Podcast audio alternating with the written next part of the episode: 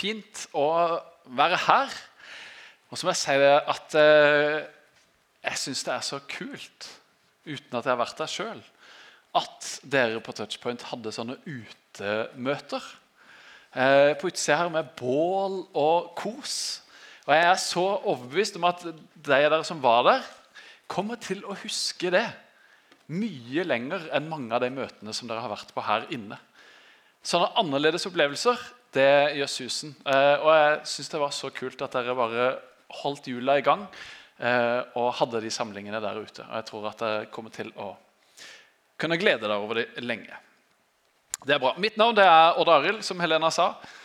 Eh, jeg er en av pastorene her i kirka. Har vært på Touchpoint en del ganger før og talt. Og syns det er veldig fint å både være på Touchpoint og være pastor. og alt mulig sånt. Så hvis ikke du har bestemt deg for hva det skal bli en dag i livet, så kan jeg anbefale pastor.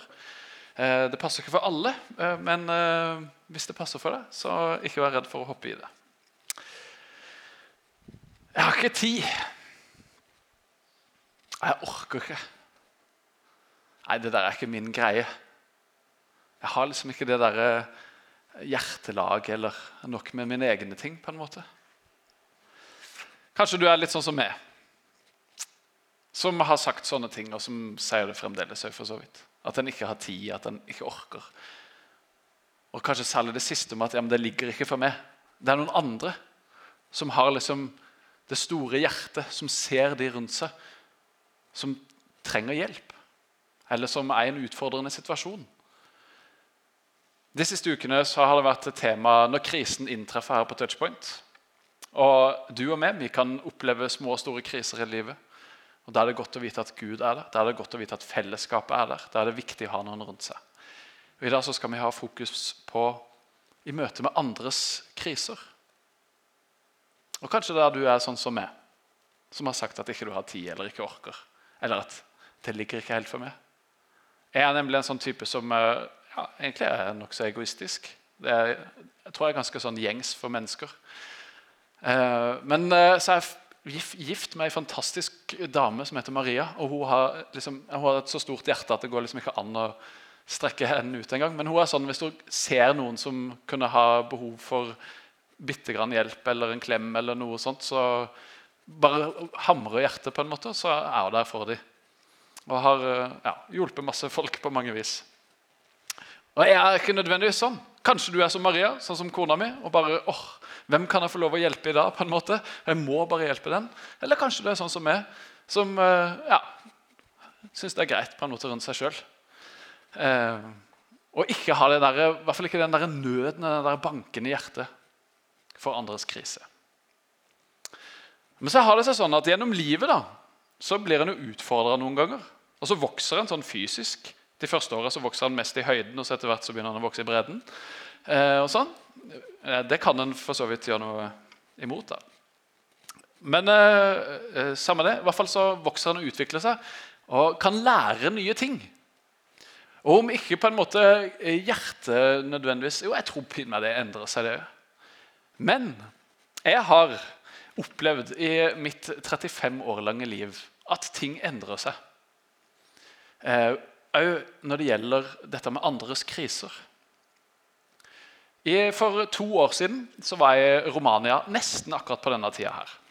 Og Det har vært eh, fem år på rad. Første år i år som jeg ikke kunne. Vi reiser dit med konfirmantene. Og Da er vi og besøker forskjellige landsbyer, og forskjellige, og så kommer vi inn i en svær, stygg blokk. Eh, helt sånn falleferdig rønne. Når vi gikk opp eh, trappene der, så var det bekmørkt, så vi måtte fram med lommelykta på mobilen. Det var midt på lyse dagen, men det var bekmørkt der. Første etasje var helt rasert. Så kom vi inn i en knøttliten leilighet. Den var ja, altså herfra og ja, Den var veldig liten, er poenget. Det var ett vindu der.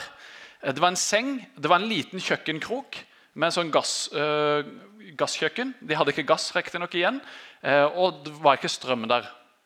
Og Der bodde det tre personer. og De hadde en forferdelig historie. Og Jeg har egentlig ikke tid til å fortelle hele historien nå, men det er Kamelia som er mammaen. Og så en gutt som heter Marius, som da var åtte år. Og så hadde de tatt til seg en bitte lita jente som da var tre måneder, tror jeg, som heter Sofia. Og så hadde de egentlig vært flere, men de hadde dødd og brent inne. og det var en forferdelig historie. Men de bodde i hvert fall på et grusomt sted. Og Marius han var kjempeskoleflink. Han var sånn som var med i sånne konkurranser, og sånn, for han var så flink. Eh, men han ble mobba på skolen pga. forholdene der som de bodde. Det var sånn Når de skulle gå på do, så måtte de gå ned de her ekle, kalde gangene for å finne doen der nede. Eh, og det var, det var, rett og slett helt grusomt ekkelt å være der. Men så var de jo så hyggelige og blide og gode mennesker. Og Så kom jeg hjem derfra, og så hadde det rørt ved mitt hjerte. Jeg hadde møtt mange fattige og, som hadde det vanskelig. Men det hadde gjort noe spesielt med meg, det møtet med Kamelia og Marius. Kanskje særlig han. Og så tenkte jeg, hva kan vi gjøre for deg? Så var det på en gudstjeneste her en gang som jeg snakka om materialisme, og sånn, og så kjente jeg at ah, er det noen som har lyst til å være med meg og hjelpe dere? Jeg hadde funnet ut Hvor mye penger trenger vi hver måned for å kunne få de til å bo et annet sted? Så viste det seg at det var 3500 kroner i måneden. Og Så spurte jeg er det noen som har lyst til å være med. Jeg sto her og grein som en unge. Og så var det noen andre som hadde lyst til å være med på det, sikkert fordi jeg grein så veldig. Så ble, var det noen som hadde sånn hjerte som banka. Ja, det, det, vet jeg ikke, Men så har vi i hvert fall samla inn penger. Så fikk de et nytt sted å bo. Og så får jeg stadig tilbakemeldinger. Hun skriver brev. Kamelia og Marius hadde skrevet brev nå sist. 'Tusen takk for at dere har hjulpet oss.' Og Det at de fikk flytte til en ny leilighet, det har gjort at Marius han har med seg kompiser hjem fra skolen som har lyst til å gjøre lekser sammen med han, for han er så flink. Han mobbes ikke lenger. Hun var blitt holdt utafor Kamelia av de andre mødrene på skolen fordi at de så ned på fordi at hun bodde i den forferdelige blokka. For det er en sånn getto, på en måte. Der bor utskudda. Eh, I møte med det offentlige og med skolen og sånn, så ble hun sett rart på. Og det gjør hun ikke lenger.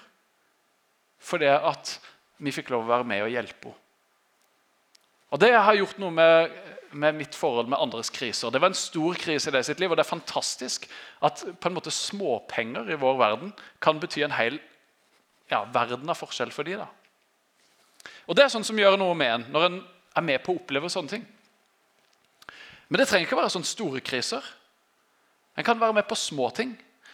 Jeg var på butikken her, det er noen få uker siden. Og Så svingte jeg inn på butikken, så sto det ei dame på utsida av bilen og snakka i mobilen. liksom. Og Så ja, gikk jeg inn på butikken og handla, og så kom jeg ut igjen, så sto hun fremdeles der. Og så tenkte jeg, Det var litt rart å stå der ute og snakke i telefonen, det var jo kaldt ute. Og sånn. Og Så satte jeg meg inn i bilen og skulle til å rygge, og så kikker jeg på så, Det så ikke ut som hun snakka med noen. Så jeg måtte bare rulle ned vinduet og så spør du, har du låst nøkkelen inn i bilen. For det så litt sånn ut. Hun sto liksom på utsida av bilen. Ja. Eh, og han er redd. Han? Ja, det satt nemlig en fire år gammel gutt inne i bilen. Og nøkkelen lå på innsida, eh, og døra hadde låst seg. Og Det rare da, det var at jeg opplevde nøyaktig det samme for noen få år siden. Når jeg skulle hente Jonathan, min mellomste gutt i barnehagen, hadde spent han fast i setet og ja, eh, Lukka igjen døra, og bilen låste seg, og nøkkelen var inne. Jeg skjønte hva hun gikk igjennom. Og hun sa jeg må bare late som på en måte at uh, dette går fint, at han er litt redd. Uh, så for at ikke han skulle bli mer redd, så måtte hun bare holde seg litt i skinnet. på en måte. Så prøvde hun febrilsk å ringe til Viking. Ingen tok telefonen. Hun prøvde å ringe til politiet. Der kom hun ikke gjennom. Hun visste ikke hva hun skulle gjøre. Så jeg bare, ok, da får vi prøve å hjelpe til å finne ut av dette her. Og så, mens vi sto der, hadde ikke stått der lenge, det hele tatt, så, så snakka hun forsiktig til hans sønn. 'Klarer du å åpne døra?' Og så plutselig så fikk han til å dra i dørhåndtaket, så døra åpna seg. Og du kunne bare se åssen skulderen hennes Så veide hun plutselig 100 kg mindre. Og så Hun eh, hadde liksom tårene i øynene hele tida, og det hadde han lille gutten òg. Og så takka hun bare så veldig for at jeg hadde stoppa opp, og at jeg var der sammen med henne. Jeg gjorde jo egentlig ingenting. Jeg kunne bare si at jeg skjønner hvordan du har det, for jeg har gjort akkurat det samme sjøl. Dette kan skje hvem som helst. Men det at jeg var der når hun sin krise inntraff, det betydde noe for henne. Og så betydde det noe for meg. Det er kjempegodt å få lov å være til hjelp for andre. Selv om en ikke har sånn hjerte som nødvendigvis banker, men noen ganger så har en en hjerne som funker. da. Så en kan tenke å ja. Og så hjelper du å ha vært i situasjonen sjøl, for da skjønner du hvor kjipt det er. Jeg husker sjøl hvor stressa jeg var. For ikke så lenge siden så var det jo ganske mye snø. Den forsvant fort, for så vidt. Da var det en eldre kar i Grimstad som hadde masse snø på verandaen sin. og Han hadde bare en sånn liten veranda som han hadde så lyst til å komme ut på, men det kunne han ikke av all snøen. Så hadde han tatt kontakt med kommunen og spurt om noen kunne komme og hjelpe han, men det kunne de ikke. Eh, Visstnok pga. korona. Eh, litt snodig. Men så hadde han kontakta noen andre eh, som eh, hjelper folk da, eh, i byen her. Og Så tok de kontakt med noe som heter Til stede, og det skal jeg snakke litt mer om etterpå. Og Så fikk de stedet spørsmål kan dere hjelpe han. Eh, og Da var snøen allerede vekke, så han trengte ikke hjelp lenger. Men de sa selvfølgelig hvis det kommer snø igjen, så bare ring. Og Så fikk de gi beskjed til denne mannen om at det fins noen som kan komme og hjelpe deg hvis det kommer masse snø på verandaen igjen. Og så begynner han å grine. Fordi at det, det er noen der som kan dukke opp når krisen inntreffer i mitt liv. En liten, enkel greie som å hive litt snø av en liten veranda. Men det er en krise for noen. ikke sant? Små og store kriser i livet inntreffer. Eh, og Jeg hadde ikke noe med det å gjøre, men jeg bare synes det var en sånn fin liten krise. da. Men uansett, jeg har vært med å få lov å hjelpe folk med forskjellige ting. Rydde i haven deres, sin, eh, hjelpe tilfeldige, sånn som hun på butikken. Og noen ting som en går mer aktivt inn i. Her har jeg lyst til å bety en forskjell for noen. Og det gjør noe med en. Det gjør noe med mitt hjerte og med min holdning. Selv om jeg ikke er naturlig skrudd sammen sånn, så får jeg lyst til å bidra i andres krise. Så Nå er vi på touchpoint. Opp med en hånd hvis du vet hva touchpoints visjon er for noe. Ja, det er noe få. Da skal vi se om vi kan få den opp. Touchpoints visjon det er å nå mennesker som er borte fra Gud og menighet, og gjøre dem til etterfølgere av Jesus. Det er altså å nå mennesker som ikke er vant til å gå i kirke, som ikke nødvendigvis tror på Gud, eller som har parkert ham på sidelinja, og gjøre dem til etterfølgere av Jesus. Og hva er en etterfølger av Jesus, da, og hvordan ser det ut? Hva er det å følge Jesus? Da kan det være en fordel å kikke på Jesus. da. Hvordan var det han så ut? Hva var det han gjorde? Hva var det han holdt på med? Og Det første underet som Jesus gjorde mens han gikk på jorda Kanskje du har hørt om det? Jesus gjorde vann om til vin. 600 liter vann ble plutselig til den beste vinen som de hadde i det bryllupet. Og Det er et sånn interessant under i seg sjøl. Men hovedpoenget med det underet det var ikke at oi, festen må ikke ta slutt, nå skal vi bli skikkelig fulle. Eh, selv de sikkert ble det. Men poenget var at det var utrolig ydmykende for det eh, ekteparet, og særlig for brudgommen som hadde stelt i stand festen, å gå tom for vin. Du ville bli sett ned på av de andre i samfunnet. Du ville på en måte bli ledd av det der, han der som ikke hadde nok vin til bryllupsfesten. han dreit seg ut. du ville for alltid ha det på en måte hengende ved deg. Det var skamfullt på den tida, rett og slett. Så det Jesus gjør, det er egentlig å redde skinnet til han brudgommen. Og det er så typisk Jesus. For han er opptatt av den ene. Han er opptatt av du, dine små og store kriser. Han var opptatt av den brudgommen som plutselig fikk en stor krise og trengte mer vin. Så Jesus gjorde et under og endra situasjonen totalt. Du har jo spart den beste vinen til slutt, fikk plutselig brudgommen høre. Den eh, historien finner vi i Johannesevangeliet. Og Hvis du har lyst til å eh, liksom dykke litt dypere inn i Johannes evangeliet, så kan jeg bare si at i morgen så begynner vi noe som heter dypdykk.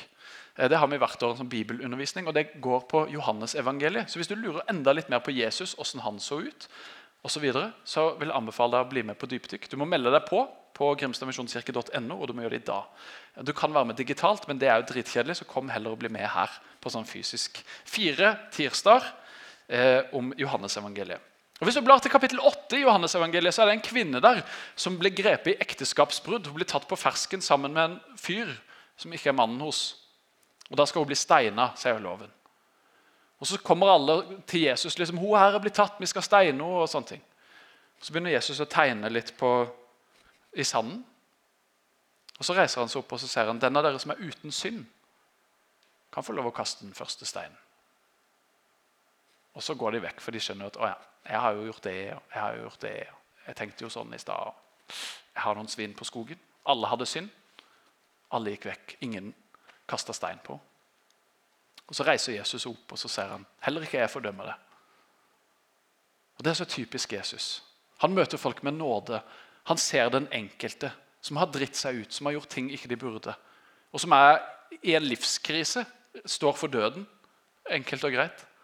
Og Så kommer Jesus og ser hun ene, som alle andre så ned på, som alle andre tenkte stygt om og ville kaste stein på. Det er ganske drøyt i vår tid. Men det fins sikkert andre måter å kaste stein på i vår tid. Så er det en annen historie som heter 'Den barmhjertige samaritan'. Kanskje du har hørt om den?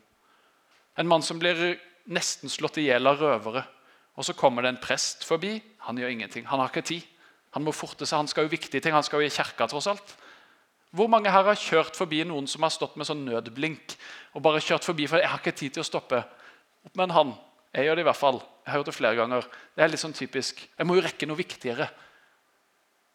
Og Så kommer det en levit akkurat samme, forter seg forbi. Jeg har viktigere ting å gjøre. Eller orker ikke. Eller han er jo samaritan, han ville i hvert fall ikke ha noe mer. Det var nemlig sånn. Nei, det var jo ikke han som var samaritan, det var han som kom. Han var samaritan. Så han ville jo egentlig ikke ha noe med den jøden å gjøre som lå der og var skamslått. Men han stoppa opp, og han hjalp han. Han fikk han til et herberge der han stelte han og ga penger og betalte for han. Og Så sa Jesus sånn skal du og meg gjøre. For det å følge Jesus det er å elske Gud og så er det å elske mennesker. Og Noen ganger så blir vi kjempegode på bare én av tingene. Så blir vi opptatt kun av å elske mennesker eller kun opptatt av å elske Gud. Men så er det balansen som er viktig. Og det å elske Gud, det er å hjelpe sånne samaritaner som har blitt slått halvt i hjel, som vi egentlig ikke liker. Blant annet. Rett før Jesus blir tatt i fange og blir drept, på skjærtorsdag så spiser han et måltid sammen med disiplene sine. Og så er de blitt skitne på beina, for det blir de på den tida der. Og så Vanligvis er det en sånn slave eller en tjener som er der og gjør den drittjobben med å vaske føttene til de som skal i et selskap. Men så var det ingen der. Jeg ser for meg Disiplene de kommer inn og så kikker de litt rundt og lurer liksom på hvem er det som skal vaske beina mine. Ja, ja, vi får gå og sette oss. Jeg skal i hvert fall ikke gjøre det. Og så plutselig så kommer Jesus. Så tar han et fat med vann og en klut med seg. Så begynner han å vaske føttene til disiplene. Og Peter bare 'Nei, er du gal? Aldri i verden om du skal vaske mine føtter.' Og Så sier Jesus ja, men da kan ikke vi ha noe med hverandre å gjøre. Da kan ikke du tilhøre meg. Ok, vask de da, vask de, vask hele meg.' Nei det er ikke nødvendig. Du trenger bare å vaske beina. Men så spør Jesus spørsmålet Forstår dere hva jeg har gjort for dere? Dere kaller meg mester og herre, og dere gjør det med rette, for jeg er det. Han er mester og herre. Når jeg som er Herren og Mesteren, har vaska deres føtter, da skylder òg dere å vaske hverandres føtter.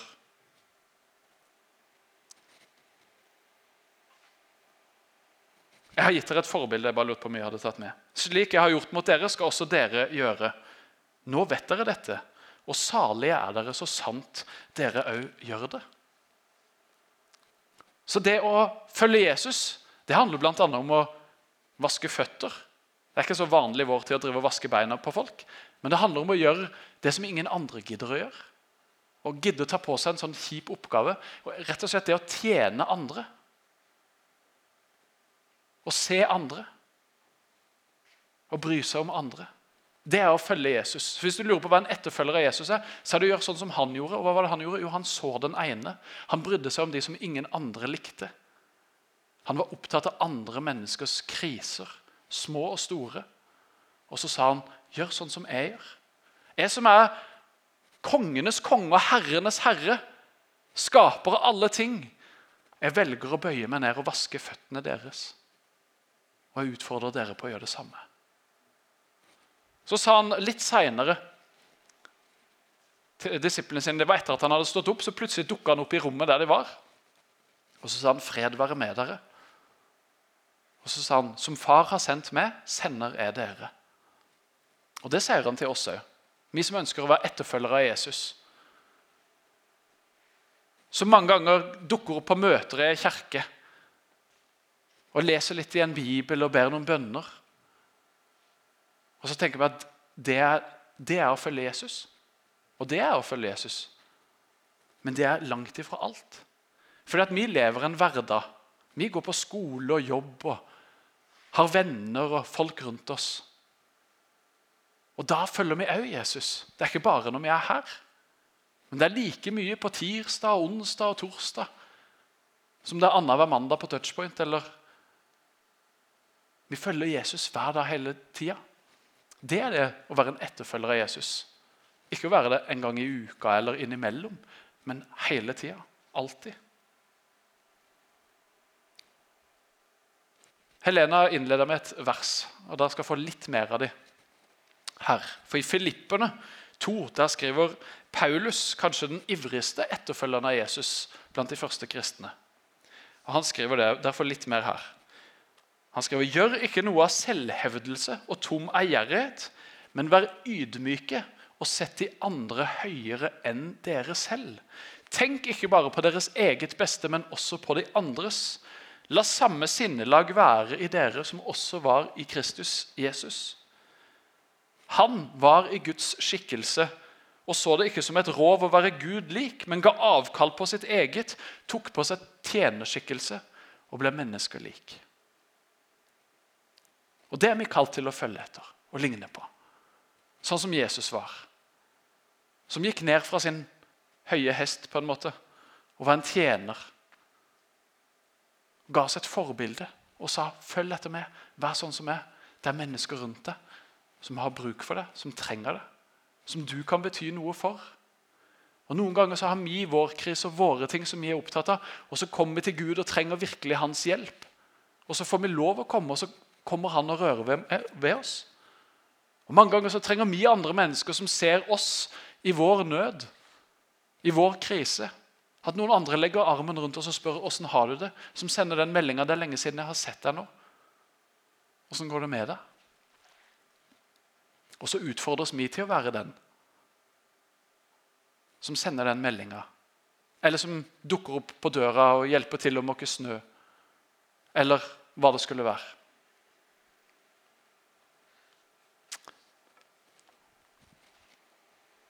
Er det noen som vet hvem det er? Hun heter mor Teresa. det står der. Men eh, vet du hvem det er opp med en han? Hvis du har hørt om mor Teresa? Ja. Og Det sier jo litt bare seg sjøl, for hun døde jo eh, før mange av dere var født. sikkert, Og i hvert fall eh, mens dere var kjempesmå. Hun døde i 1997.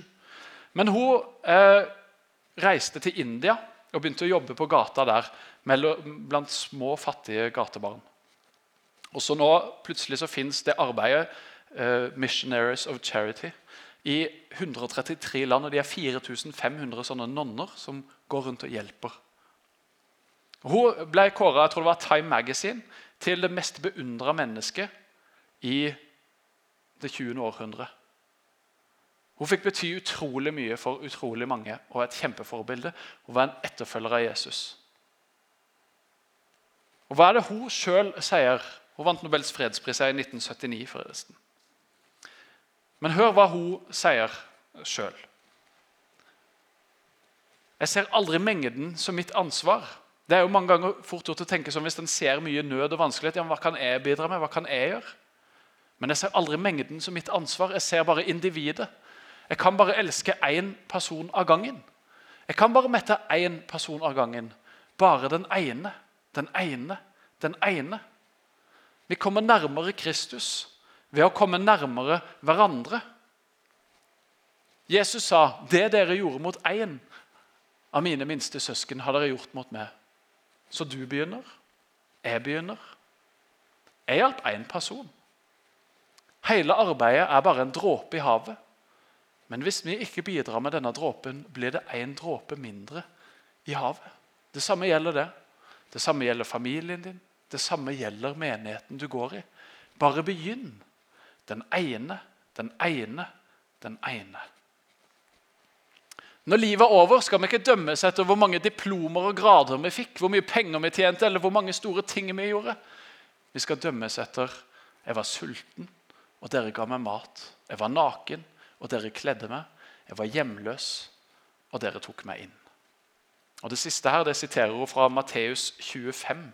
Jesus som sier når han kommer igjen, så skal han skille mellom de som har fulgt han og ikke. På om de kledde de nakne, om de ga mat til de sultne, om de besøkte deg i fengsel, om de så til de som var syke. Så Jesus han identifiserer seg med de som har det vanskelig, og som har behov, og som strever. Og Det er veldig fort gjort at det drukner i mengden. Men så handler det om den ene. For ingen av oss kan hjelpe alle men alle kan hjelpe én. Og Hvis alle vi hjelper én, så er det utrolig mange som får hjelp. Og så plutselig så er de i stand til å hjelpe noen andre videre. På den måten så får utrolig mange hjelp. Så hvis vi begynner med den ene, så tror jeg at vi kan få til utrolig mye. Så å følge etter Jesus da, det handler om å ligne på ham. Være opptatt av det som Jesus er opptatt av. Og Han var opptatt av den ene. Og Han var i veldig stor grad opptatt av de som var på utsida. Som var syke, eller som var utstøtt, som ingen likte. De var Jesus opptatt av. De så han på en spesiell måte. Og så kaller han oss til å gjøre det samme. Og så ligger det helt spesielt for noen mer enn andre. Men alle som ønsker å være en etterfølger av Jesus, er kalt til å ligne på han og til å bry seg om andre. Og jeg tror at hvis vi våger å gjøre det, så gjør det noe med oss.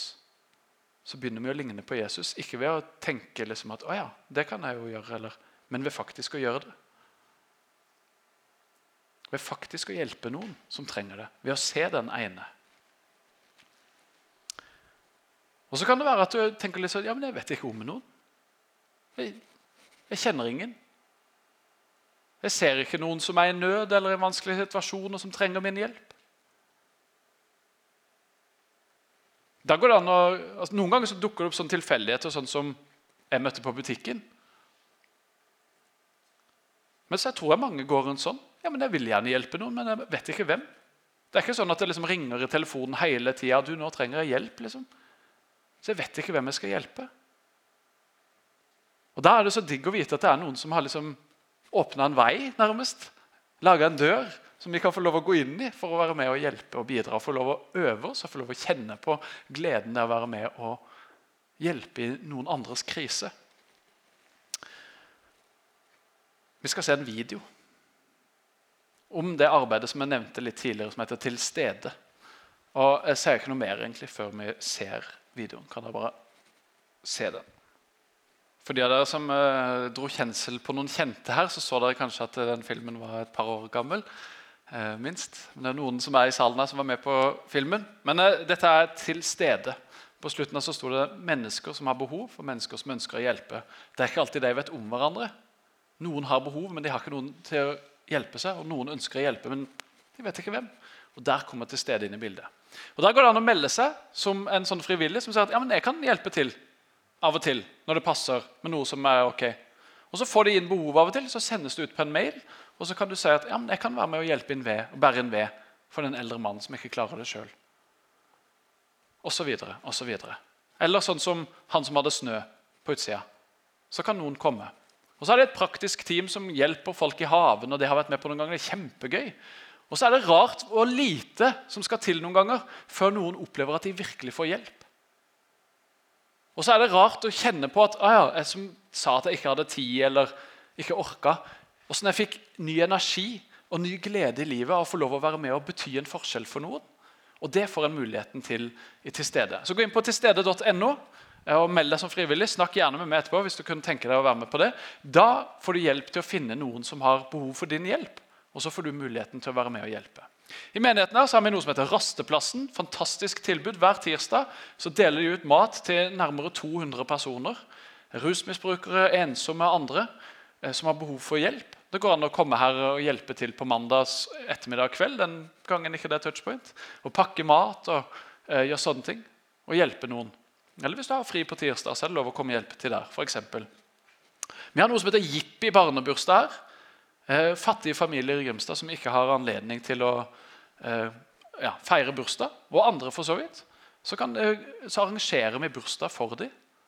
Så kan du være jippiklovnen, og du kan eh, lage mat, eller du kan eh, ja, rydde til og sørge for at en syvåring som aldri har fått lov å feire bursdag før, plutselig får oppleve hvor fantastisk kult det er å feire bursdag. Bare spør Amalie. Hun er med på det. Og Det er fantastisk, og det er å følge Jesus. Det er å lage bursdagsselskap for en syvåring. liksom. Det er å bære en ved for en mann som ikke klarer det sjøl. Det er å se de som er rundt oss, og hjelpe og bety en forskjell. Om Vi er kalt til å følge etter Jesus, og det er det vi ønsker med Touchpoint. Det er du og meg at vi skal være etterfølgere av Jesus. Og det er ikke bare å komme hit eller å synge eller lese Bibelen. Men det er å se de som er rundt oss, og være opptatt av den ene, sånn som Jesus var. Så ha fokus på den ene. Det vil jeg utfordre deg på. Mer enn å tenke at å, det er for mange store problemer. jeg kan ikke gjøre noe med det. Hvem kan du se? Hvem kan du bety noe for? Jeg er sikker på at Dere som er studenter, for eksempel, så mange ensomme studenter. Kanskje du er ensom sjøl. Men send en melding til noen som du vet om. Spør hvordan de har det. Kanskje det kan være den ene som du kan bety. Ingen kan hjelpe deg, så får du følge Jesus i evangeliet. Hvordan var det han levde lignende? Og han fins, og han har sendt seg god. Det som vi trenger. Utfordrer deg på å ta det likevel, og kjenn og se. Gode Gud, husker oss her. i våre små og store kriser i livet, Herre. Så kan du møte oss, og så kan du hjelpe oss, Herre. Og takk. Så kan du møte oss, og så kan du hjelpe oss, Herre. Og takk for at du utfordrer oss, men du utruster oss òg til å følge etter det. Og til å møte andres behov. Andre som kan ha glede og nytte av vår hjelp. At vi er der. Og må du lede oss til mennesker, Herre. Og Helligånd, må du fylle oss sånn at vi kan ligne mer og mer på du, Herre. Og la oss virkelig se de som er rundt oss, bety en forskjell. Og følge etter du i hverdagen vår, i møte med de menneskene som vi har rundt oss. Tilfeldige og andre som, som har behov for oss, Herre. Hjelp oss å følge etter deg hver dag, hele uka, og ikke bare når vi er i kirka, Jesus. Kom, Hellige Ånd, og fyll oss. I Jesu navn.